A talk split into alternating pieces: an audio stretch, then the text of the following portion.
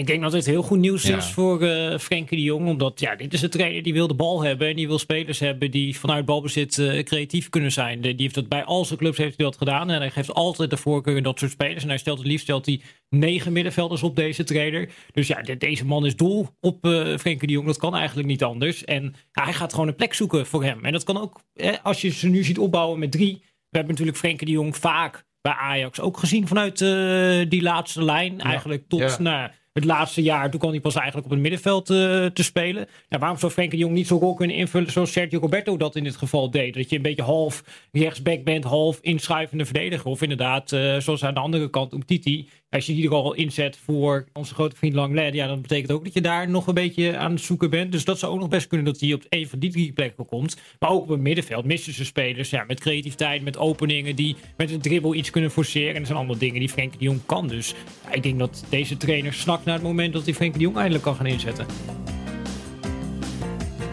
Rijkhalsend uh, keek nou ja, de hele voetbalwereld er denk ik wel uh, naar uit. Naar het eerste optreden van Barcelona onder leiding van de nieuwe trainer Kike Setien. Die is gekomen van uh, Betis. Barça won met 1-0. Messi scoorde iets minder dan een kwartier voor tijd de enige goal. Bas van der Hoven, Pieter Zwart. Was er veel anders? Ja, nou ja, je zag zeker dat hij dingen had veranderd. Sowieso in de, in de speelwijze al. Ik moet zeggen, de invulling in de eerste helft, het, het viel me een beetje tegen omdat het tempo wat laag was. En het had naar mijn idee ook te maken met personele problemen. Uh, Frenkie de Jong was bijvoorbeeld geschorst. Ja. Arthur uh, kwam terug van een blessure. Uh, maar ja, wat hij veranderd had was dat de flanken beter bezet waren. Dat Messi meer naar het centrum uh, kwam. Of in ieder geval daar meer vrijheid had. En ze speelden eigenlijk een formatie met drie verdedigers. Op papier stond er nog als 4-3-3. Maar Alba schoof heel diep op op links. Sergio Roberto trok dan naar het centrum ja, het werd een soort uh, ja, 3-1-4-2. Ja, zo, zoals hij ook bij uh, Real Betis uh, vaak speelde. Ja. Dus wat dat betreft zag je zijn hand heel duidelijk terug. Hè. Dit is een man die beloofde vooraf balbezit. Die beloofde vooraf basis. En we kregen balbezit en we kregen basis. Ja, ja, bij, ja nu meteen alle records gebroken wat dat betreft. of het heel leuk was om daar te kijken daarmee. Dat is altijd nog een tweede. Ook omdat Granada er niet heel veel zin in had.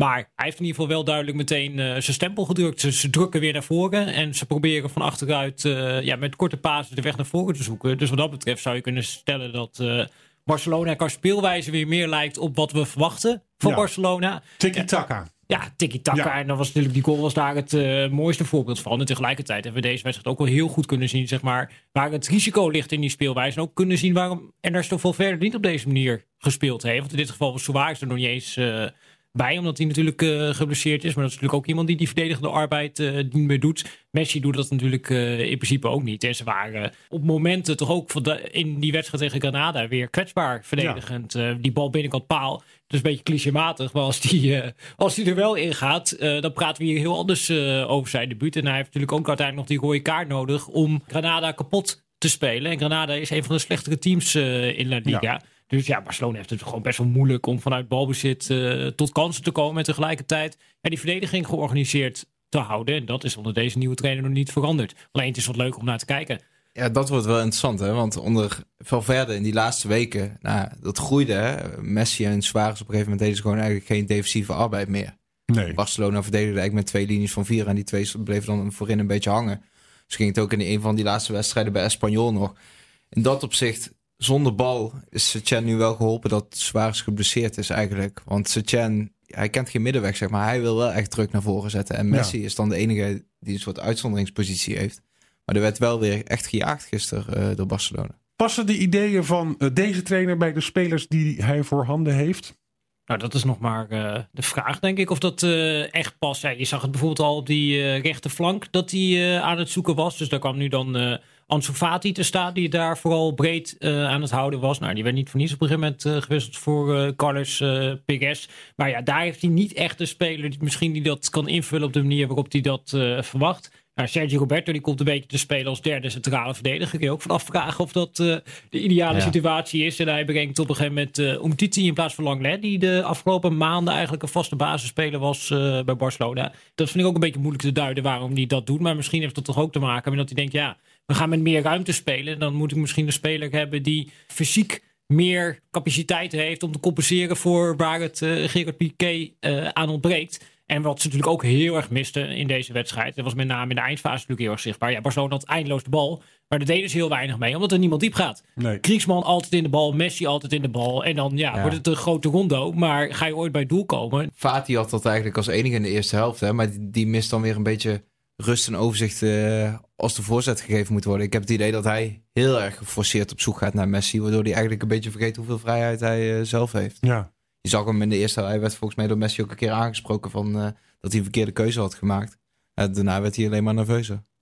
Nou, je ziet ook dat spelers zoals uh, Ivan Rakitic en uh, Arturo Vidal nu, die nu, nu dan op het middenveld staan. En waarvan nu dan ook echt gevraagd wordt van dat ze mee gaan doen in die grote rondo. Dat ze er heel erg verloren bij lopen. Ja, dat, dat bedoelde ik eigenlijk met, die, uh, met de invulling waar we het in het begin over hadden. Want die combinatie was natuurlijk heel mooi bij die goal met het hakje van Vidal. Alleen, ja, je kunt dat niet van Vidal verwachten dat hij dat drie, drie keer per wedstrijd doet. Nee. En ik denk dat met Arthur en Frenkie op die posities dat je wel meer het Setien voetbal krijgt zoals hij dat voor ogen heeft. Ja, wat, wat, betekent deze trainer voor de positie van Frenkie de Jong uiteindelijk? Is het goed nieuws voor hem? Ik denk dat dit heel goed nieuws is voor uh, Frenkie de Jong. Omdat ja, dit is een trainer die wil de bal hebben. En die wil spelers hebben die vanuit balbezit uh, creatief kunnen zijn. die heeft dat bij al zijn clubs heeft hij dat gedaan. En hij geeft altijd de voorkeur aan dat soort spelers. En hij stelt het liefst stelt hij negen middenvelders op deze trainer. Dus ja, deze man is dol op uh, Frenkie de Jong. Dat kan eigenlijk niet anders. En ja, hij gaat gewoon een plek zoeken voor hem. En dat kan ook, als je ze nu ziet opbouwen met drie. We hebben natuurlijk Frenkie de Jong vaak bij Ajax ook gezien vanuit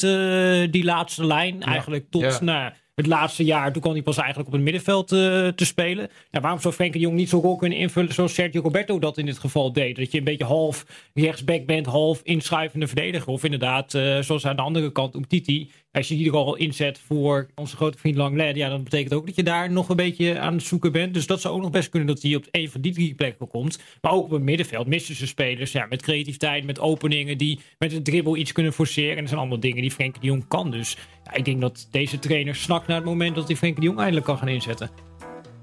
Wil je meer verdieping bij het voetbal? Ga dan naar vi.nl slash podcast en neem een abonnement. vi.nl slash podcast. Ja, ik denk dat Frenkie de Jong, wat je zegt, de, Busquets is natuurlijk veilig eigenlijk op zijn zespositie ja. uh, nog. Hè? Dat we Frenkie de Jong eerder in de eerste fase in de opbouw gaan zien dan op de teampositie of hang, als hangende linksbuiten, zoals we hem in het begin van het seizoen nog wel eens uh, zagen. Want Setien durft gewoon keuzes te maken ook achterin. Bij Betis speelde ook af en toe. Uh, Guardado speelde zelfs van achteruit, weet je wel. Om het spel snel vorm te geven. Nou, hij kan die natuurlijk ook op verschillende manieren oplossen. Hè? Want nu speelt hij dan met Ansu Fati aan die rechterkant. Eigenlijk uh, aanvallend. En dan nou, verdedigen dus dat een soort aanvallen. Maar hij kan natuurlijk ook oplossen door Semedo of Roberto op die rechterkant te zetten. Zoals hij met Alba doet. En dan inderdaad Frenkie de Jong vanaf het middenveld bij die twee centrale verdedigers te laten komen. Heb je dezelfde veldbezetting. En je weet dat Frenkie de Jong dat kan. Dus uh, wat dat betreft wordt het heel erg interessant om te zien hoe die hem wil gaan gebruiken. Want ja, daar zal hij ongetwijfeld een idee bij hebben over uh, hoe die Frenkie de Jong het beste kan gaan benutten. Ja, want ik denk voetballend, dat viel nog wel op aan te merken ook. Als je met deze drie gaat opbouwen, zoals hij het gisteren voor ogen had, met Piqué, Sergio Roberto en Umtiti, dan is daar nog wel winst te boeken aan de bal. Ik zat bijvoorbeeld zelf ook te denken aan Bartra, die natuurlijk bij Barcelona gespeeld heeft, die bij Betis uh, heel belangrijk was onder uh, Setien. Ik zie hem mogelijk ook wel terugkeren. Oké, okay. uh, de grote zomeraankoop van Barcelona, Antoine Griezmann, liep er tot dusver een beetje verloren bij hè, in het seizoen.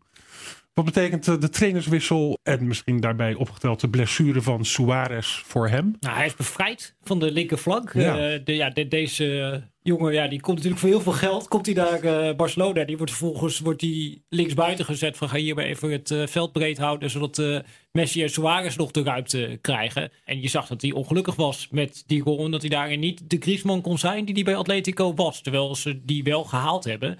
En eigenlijk door deze wijziging van systeem die deze nieuwe trainer heeft doorgevoerd, met name in het aanvallende gedeelte, zie je dat hij centraal komt te spelen. Dus Alba doet die linkerflank en hij komt centraal naast Messi te spelen. Ja, en die afstemming daarin was nu nog niet uh, perfect, maar dat is ook logisch, want ze hebben nauwelijks tijd gehad uh, om te trainen. Maar wat je veel zag bij Betis, was dat die twee spitsen heel erg op elkaar ingespeeld waren. In de zin van, eentje komt eruit, die trekt de man mee en dan trekt die ander daarmee een gat voor een ander waar dan die ander in kan duiken. En met name Griezmann is wel in staat ja, om in die gaten continu te duiken die Messi voor hem moet gaan trekken. En als dat een beetje op elkaar ingespeeld raakt, ja, dan is dit wel een rol, denk ik, waarin hij veel beter tot zijn recht kan komen dan de manier waarop hij tot nu toe gebruikt is in Barcelona. Ja, en dat druk zetten ligt hem ook wel. Want uh, Griezmann, nou, de eerste maanden waren natuurlijk niet vlekkeloos uh, bij Barcelona. Nee. En hij werkt natuurlijk ontzettend hard. Ja.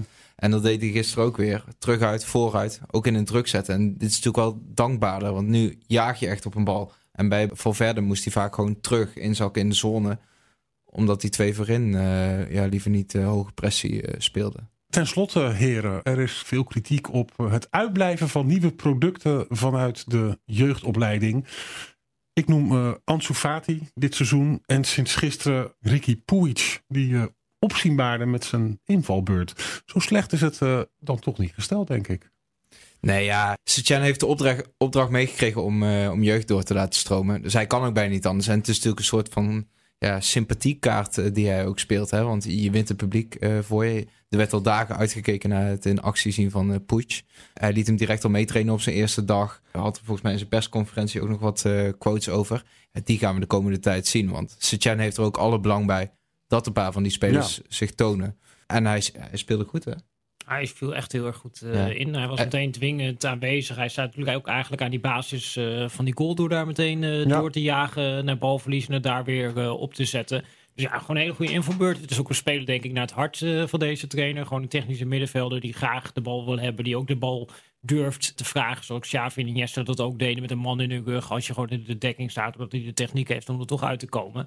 Dus ja, dit is wel een uh, fijne speler. En het is leuk dat we hem wat meer kunnen gaan zien uh, bij Barcelona de komende tijd, als het goed is. En Setien is ook wel leuk. Hij durft wel, hè? Ja. Is het een spannende trainer voor jullie? Ah, het is een hele spannende ja. trainer, omdat het is een trainer die bij zijn vorige clubs eigenlijk geen indruk heeft gemaakt met resultaat, maar wel met spel. Omdat hij gewoon altijd uh, durft te voetballen. En het is gewoon, ja, het prikkelt de fantasie om na te denken over, oké, stel nou je zet zo'n trainer neer bij Barcelona, wat gaat er dan uh, gebeuren? Omdat ja, hele extreme ideeën met een extreem getalenteerde spelersgroep. Kijk, kan natuurlijk twee kanten op gaan. Dat kan heel erg goed gaan. En dan zitten we te kijken naar sprankelend voetbal. En dan zeg je, is ongelooflijk, is fantastisch. Of hij komt in dat politieke bolwerk Barcelona. Hij krijgt die spelers niet met zich mee. En het implodeert op grandioze wijze. Ik denk dat het wel de twee opties zijn. Hè. De, de tussensmaak van verder, namelijk op zich de resultaten zijn wel redelijk. Maar het is net niet helemaal wat iedereen ervan verwacht. Ja, dat gaat dit niet worden. Het wordt of een grandioos succes of een grandioze mislukking. En daarom is het leuk om te volgen. Vervolg is uh, ook wel aardig, hè? Valencia uit. Zaterdagmiddag 4 uur. Ja. ja Barcelona, ja. We kunnen ze echt niet meer overslaan. 90 minuten. Barcelona is wel een verplicht nummertje in het weekend met Setien. Nou, ik uh, ga het in de agenda zetten, heren. Dankjewel.